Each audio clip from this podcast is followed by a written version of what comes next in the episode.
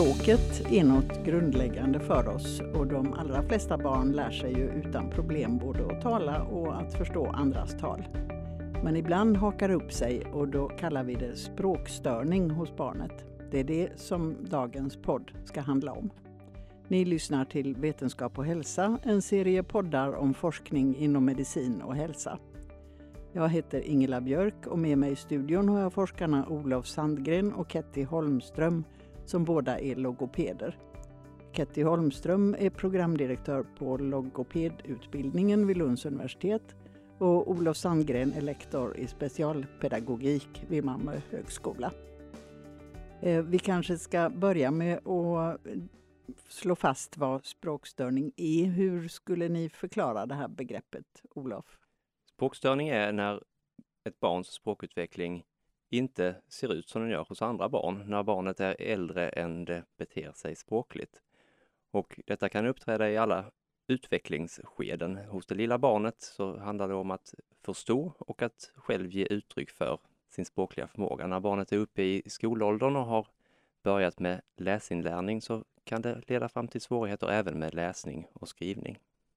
Så det är liksom alla dimensioner, alla sätt att använda språk precis, in kan, och ut. Precis, vi kan både förståelse och uttryckssida och språket består ju då av flera olika delar från ljudsystem längst upp i pyramiden till meningsbyggnad och ordföljd, grammatiska regler alltså, ordförråd och hur vi använder språket för att klara av ett samtal. Och de har alltså både sämre bredd och sämre djup och sämre flyt i sitt språk. Va, vad innebär det i praktiken för dem, Ketty? Det kan innebära att man har eh, svårt att hitta rätt ord. Det kan vara som det är för oss själva när vi pratar ett språk vi inte kan så väl kanske. Det kan vara att man eh, förklarar lite vid sidan om kan man säga, att man kan uppfattas som lite svår att hänga med, att, att svårt att hänga med det, det barnet försöker beskriva och berätta. Eh, och det kan också vara då att man ehm, har svårt att förstå hur ord hänger ihop, att man eh, kan ha svårt att förstå att kniv och gaffel är bestick. Så om man går och frågar kan du hämta bestick så, så vet de inte vad de ska gå och hämta. Och det här måste ju påverka deras vardag och deras samvaro med kamrater och andra väldigt mycket om det är så som du beskriver det nu. Ja, det ger stora effekter att man kan ha svårt både eh, i lek men också i skolans ämnen när man blir lite större. Det är språkstörning. Det är inte samma sak som dyslexi som har andra orsaker, även om språkstörning också kan leda till problem med att läsa och skriva. Men i likhet med dyslexi så har det ingenting med intelligens att göra. Absolut inte. Det finns eh, barn med alla typer av intelligensnivåer som kan ha en språkstörning. Vad beror det på då? Det vet vi inte riktigt. Det vi vet är att det finns en stark ärftlighet, eh, precis som inom läs och skrivsvårigheter. Och man kan väl säga att läs och skriv och språkstörning liksom ligger lite i samma härad på något sätt, att det är svårigheter med språket som, som ger sig uttryck på olika sätt. Men ärftlighet vet vi att det är en sån faktor som, som finns med. Och sen finns det en rad andra faktorer man undersöker. Men det man också vet är väl att det är vissa faktorer vi har avfärdat. Man får inte en språkstörning om man har haft en kortare period av eh, hörselproblematik eller något sånt där, utan det krävs något mer. Du, Olof, har på något ställe jag såg gjort en lista över vad som ingår i en språkstörning eller kan ingå från de lättare till de svårare problemen. Och det lättaste är då uttal och sen kommer ordföljd, ordböjning, ordförråd och till sist språkanvändning. Mm. Men det är ganska vanligt har jag förstått att föräldrar och andra hakar upp sig på uttalet, alltså om ett barn säger fel på vissa ljud. Eh, men det är egentligen det lättaste problemet. Ja, det är ju det mest i öronen fallande som en fonetikprofessor här i Lund uttryckte det och därför det som flest reagerar på. Men om det handlar om isolerade fonologiska svårigheter som det kallas när man har problem just med uttalsdelen så är insatserna ofta ganska så begränsade i tid. Det är ofta någonting som upptäcks ganska så tidigt, oftast vid fyraårskontrollen på, inom barnhälsovården. Och insatser som sätts in ungefär då brukar vara ganska så framgångsrika. Men ursäkta att jag avbryter dig, men måste man göra någonting åt det då? Är det inte eh, ibland en sån sak som går bort av sig självt? Jo, visst är det det.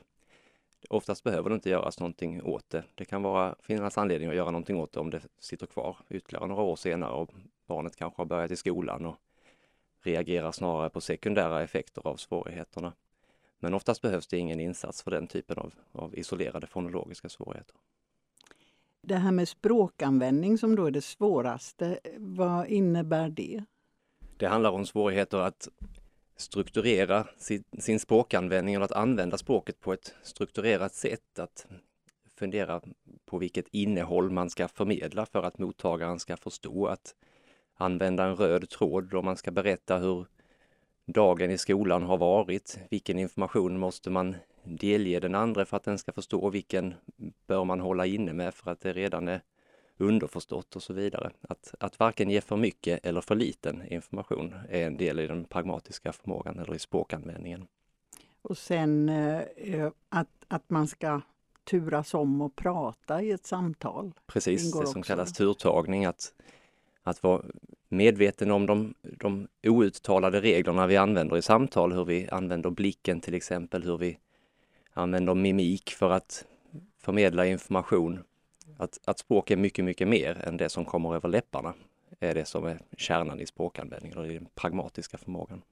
Det är ju eh, påfallande när vi pratar så här att hur svårt det egentligen är eller hur mycket det är som ingår i det här med språk. Alltså man tycker om man inte har eh, egen erfarenhet av de här problemen så tänker man att ja men vadå tala, det kan väl alla människor. Mm. Så enkelt är det ju inte. Nej, det är, det är nog vår mest komplexa funktion som människan eh, har. Och ofta det som, som språkhistoriskt har rent av förklarats som det som särskiljer oss som människor. Att vi har just den här kommunikativa förmågan och som är så komplex och som verkligen särskiljer oss.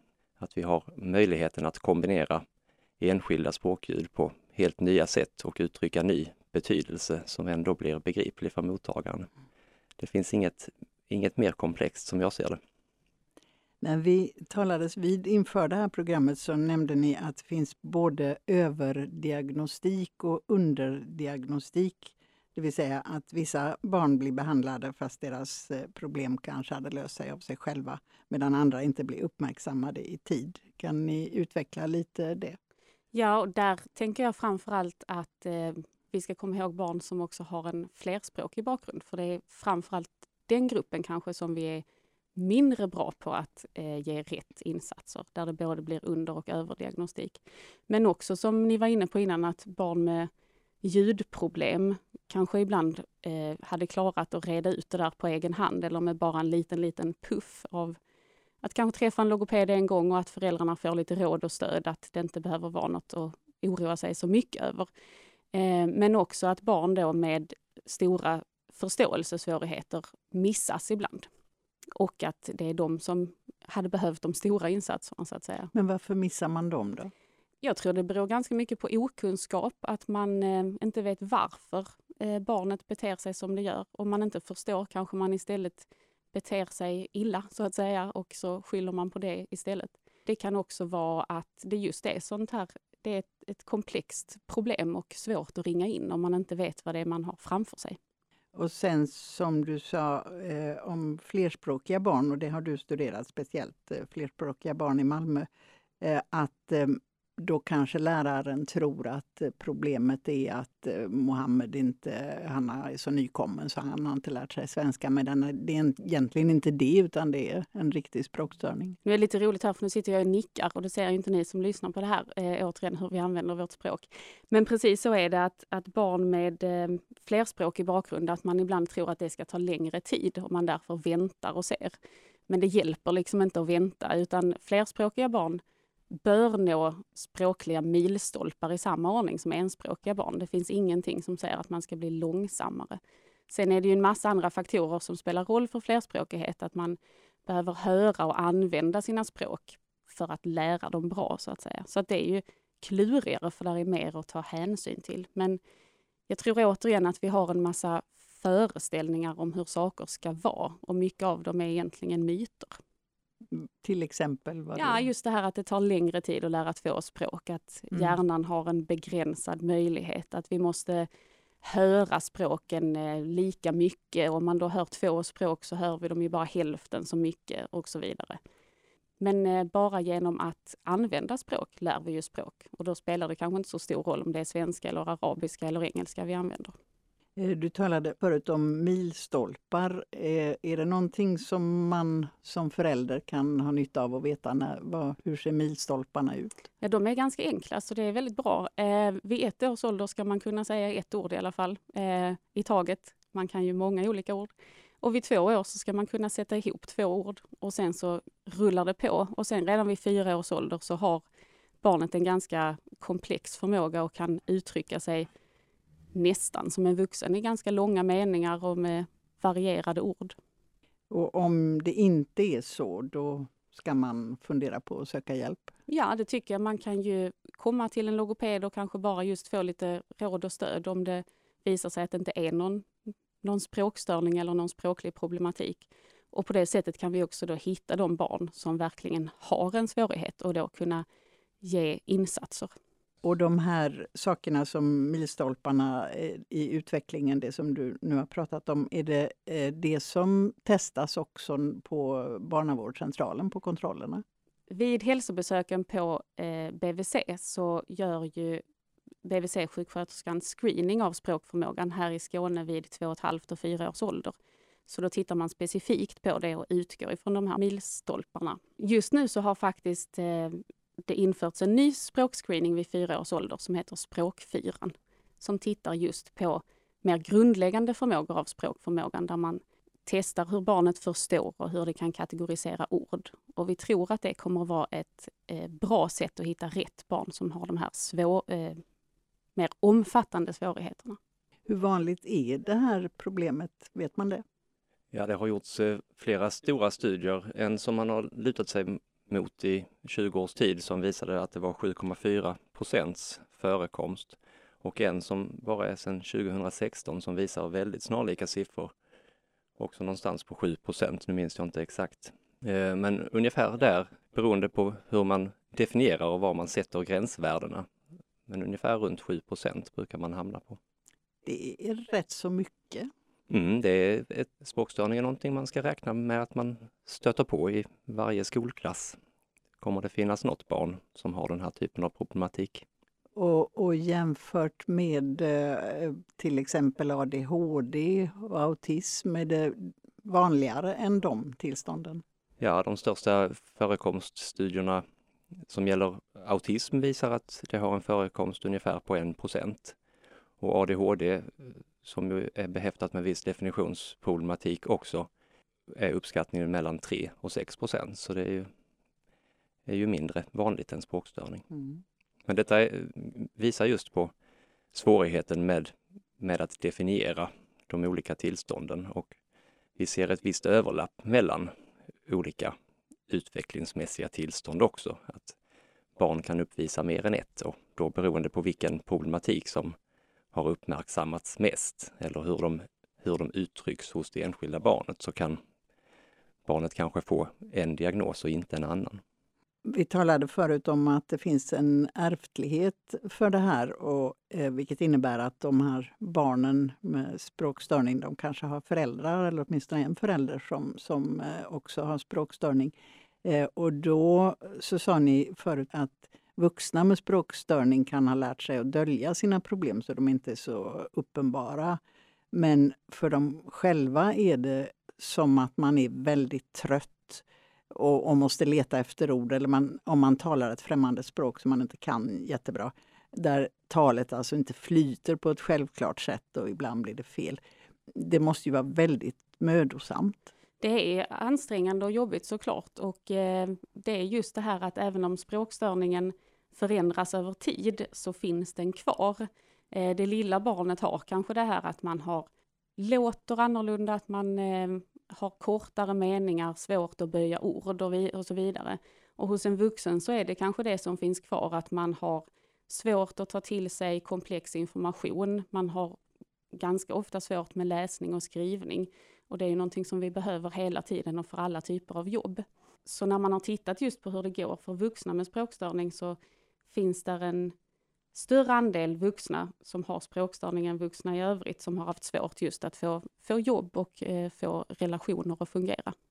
Och de här föräldrarna då, alltså det, det sägs ju att det är så väldigt bra för att hjälpa barn med deras språk att man ska läsa för barnet. Men det är ju inte så lätt om man själv tycker det är mödosamt att läsa. Nej, och där tänker jag att vi kan ha eh, att vi kanske behöver tänka lite vidare i det, att, att det viktiga i den här gemensamma bokläsningen är ju att dela språk så att säga och då kanske man kan hitta vägar och sätt att göra det och att andra personer runt barnet också har viktiga uppgifter, att vi har förskola och vi har skola och där man då också kan få det här. Det är viktigt att, att läsa böcker för vi möter en annan typ av språk i böcker än, än i, i samtal. Men det är också viktigt att, att språka så att säga, att tillsammans med sin förälder prata om något gemensamt. Man kan i alla fall med det lilla barnet titta i ett reklamblad eller eh, BRs katalog likväl som att läsa en, en pekbok. Nu har du eh, pratat lite om, då om vad man kan göra inom en familj. Vad kan man göra för att göra det bättre i förskolan och i skolan? Samma sak, fast i större skala. Och här finns ju den viktiga uppgiften för både förskola och skola är ju att jämna ut sådana här skillnader mellan familjer kan man faktiskt säga att en del familjer kommer vara väldigt duktiga på att arbeta med sådana här saker, att stimulera språkligt. Medan andra kommer ha svårare för att göra det och då behöver förskolan och skolan stötta upp och det kan handla om att man introducerar nya ord och begrepp på ett mer systematiskt sätt, att man utsätter barnet för de här nya orden i olika situationer för att de ska verkligen fästa hos barnet. Att man hjälper till i språkanvändningen, att man stöttar barnet så länge det behövs i nya kontakter med andra barn och med andra vuxna och hjälper till med, med alla de här olika språkliga delarna. Och upp i skolan så är det en väldigt viktig uppgift att, att se svårigheter innan de har resulterat i problem i, i lärandet. Och där tänker jag en, en medvetenhet om den språkliga koden och språkanvändningen behövs. Att man, man ser att här har vi ett barn som riskerar att i en framtid utveckla svårigheter med kunskapsinhämtningen och då veta vilka insatser som behövs. Det luriga i detta tänker jag är just att barn med språkstörning ibland kan förefalla ha blivit bra och sen så kan problemen poppa upp igen lite senare. Så ibland finns inte liksom informationen med från förskola till skola. Hur, vad beror det på att de verkar bra och sen är de inte det? Det beror väl delvis på att eh, kraven ökar, att vad man behöver kunna när man går i förskola och vad man behöver kunna i årskurs 4 varierar så stort. Så att det som kan ha verkat ha läkt ut kan liksom poppa upp igen. Så jag tror att eh, för att stötta den här gruppen så handlar det om samarbete och det handlar om mm. kompetens, att det finns personer som vet vad de här varningssignalerna är och att de finns nära i barnets miljö. Och ofta är ju de här varningssignalerna tydliga under förskoleåren och då måste den informationen gå vidare till skolan. Och där kan man ofta se att det brister i den överföringen av information. Du, Olof, har gjort en studie som visade att bara tre timmars fortbildning för lärare Eh, ledda ledd av logopedistudenter hjälpte de här lärarna att arbeta bättre med elever som hade språkstörningar. Vad är det man kan lära sig på tre timmar? Det låter väldigt lite. Ja, det här var ju då uppsatsstudenter här på logopedprogrammet i Lund som, som hade ett, en undervisningsinsats kan man säga, både ren faktakunskap, vad är språkstörning? Den typen av saker vi har suttit här och pratat om här idag. Men också handlett lärarna i hur ska vi då ta oss an en elev som uppvisar den här typen av svårigheter. Och då fick de utgå, de här lärarna fick då läsa ett, en fallbeskrivning med en elev som hamnade i svårigheter på, på rasten och handleddes i hur de skulle hantera det här och att tolka den här problematiken på, på rätt sätt, att se de språkliga tecknen i det här uttrycket som barnet hade. För det, där fanns det då lärare som istället tolkade problematiken som beteendesvårigheter eller uppmärksamhetsproblematik och som då fick hjälp att se att här fanns det en språklig komponent i det också och att det här besvärliga beteendet kunde ha en språklig orsak. Och de handleddes i hur, hur de då ska hantera den typen av svårigheter. Så det var väldigt framgångsrikt. Det var efter en, en nyzeeländsk studie som vi replikerade här med en lite, lite ut, utbyggd metod men det var väldigt framgångsrikt för så pass kort. Man kan tänka sig att, att om man att barn, ett barn som har svårt att göra sig förstått blir bråkigt helt enkelt. Mm. Och, och, läraren ser att ja men åh, åh vad, vad han eller hon är bråkig mm. och besvärlig och kanske tänker ADHD eftersom det är så mycket tal om det men inte som, som du säger inte tänker på att det kan vara helt enkelt språket. Nej, ofta har man en förklaring som man tycker passar in och den kanske man är benägen att ta till oftare. Men eh, det är viktigt att, här är det ett tydligt tecken på att man behöver vara många som, som bedömer barn. När det handlar om diagnostik så, så ska det vara självklart, men även i skolan så kan det vara bra att, att flera ögon är med och, och värderar. Och då, då, är logopeden ett väldigt viktigt stöd där för att uppmärksamma de här språkliga delarna i barnets beteende. Nu är ni ju logopeder och talar i egen sak om jag frågar, men jag frågar i alla fall. Finns det tillräckligt många logopeder i skolorna? Det tycker inte vi såklart då, eftersom vi just har jobbat inom skola själv också. Jag tror att det är viktigt att man, precis som Olof säger, är många som samarbetar kring de här barnen. För att nu är vi ju inriktade på de språkliga svårigheterna, men det finns ju andra problem också hos barn som andra professioner är bättre på att se än vi. Så jag tror att vi behöver vara många som har olika kompetenser och samverkar. Och eh, just nu så finns det en del logopeder i skolor, både som hjälper till med att se vilken typ av problematik barnen har, men också då ger insatser. Och det har nyligen kommit en studie på det som har visat att en till en träning, så att säga, logoped som tränar en äldre elev, ger jättegoda effekter. Så att jag tror att det behövs eh, fler logopeder i skolan men talar såklart i egen sak. Och om vi inte ska tala i egen sak så kan man nog faktiskt säga att det totala antalet logopeder kanske faktiskt är ungefär det som det ska vara. Men fler av dem borde nog finnas i skolan. Det är i alla fall min uppfattning. Men var behövs de inte i så fall? Var, var ska man plocka dem ifrån? Eh, man ska snarare omfördela resurser, att logopedmottagningar som finns inom sjukvården kanske snarare, som, som ofta arbetar mot skolor, snarare borde finnas inom skolorganisationen för att bli ännu mer bekanta med hur skolan fungerar och bli en naturligare kontaktväg för skolans personal. Sen behöver logopeder såklart finnas kvar på sjukhus också för andra diagnoser vi jobbar med. Men just för språkstörning så, så kan det nog vara bra att logopederna finns närmare där barnen finns när de är i förskola och skola. Man kan ju tänka sig två mm, tolkningar av framtiden, för jag tänkte fråga om framtiden nu som sista fråga. Eh, att det blir svårare för barn med språkstörning eftersom samhället hela tiden har blivit mer och mer skriftbaserat. Men å andra sidan så har väl de här problemen blivit mera uppmärksammade. Så vad tror ni, går vi i det här avseendet mot en mörkare eller en ljusare framtid? Jag tänker ändå att man ska tänka positivt och att jag tror att vi går mot en ljusare framtid. Eh, just för att det är ett, en diagnos som har kommit mer och mer upp på agendan, tänker jag. Och att eh, vi också har större möjligheter att hjälpa barnen. Vi har möjlighet att sätta in hjälpmedel som kan avhjälpa delar, inte allt. Men framförallt den ökade medvetenheten tror jag kan hjälpa barnen. Och medvetenheten är ju större och större i skolans värld också. Men eh, insatserna som, som skolan ger kan där behövs det hela tiden utvecklas nya metoder och jag tänker mig att skolan av idag har mindre och mindre fokus på individuella insatser och det det som har visat sig vara det bästa för den här typen av svårigheter. Så här, här behöver skolan utveckla sina metoder för att ta hand om de här barnen på bästa sätt. Tack så mycket Olof Sandgren och Ketty Holmström. Tack. Du har lyssnat till en poddserie om forskning som produceras av redaktionen vid Aktuellt om vetenskap och hälsa.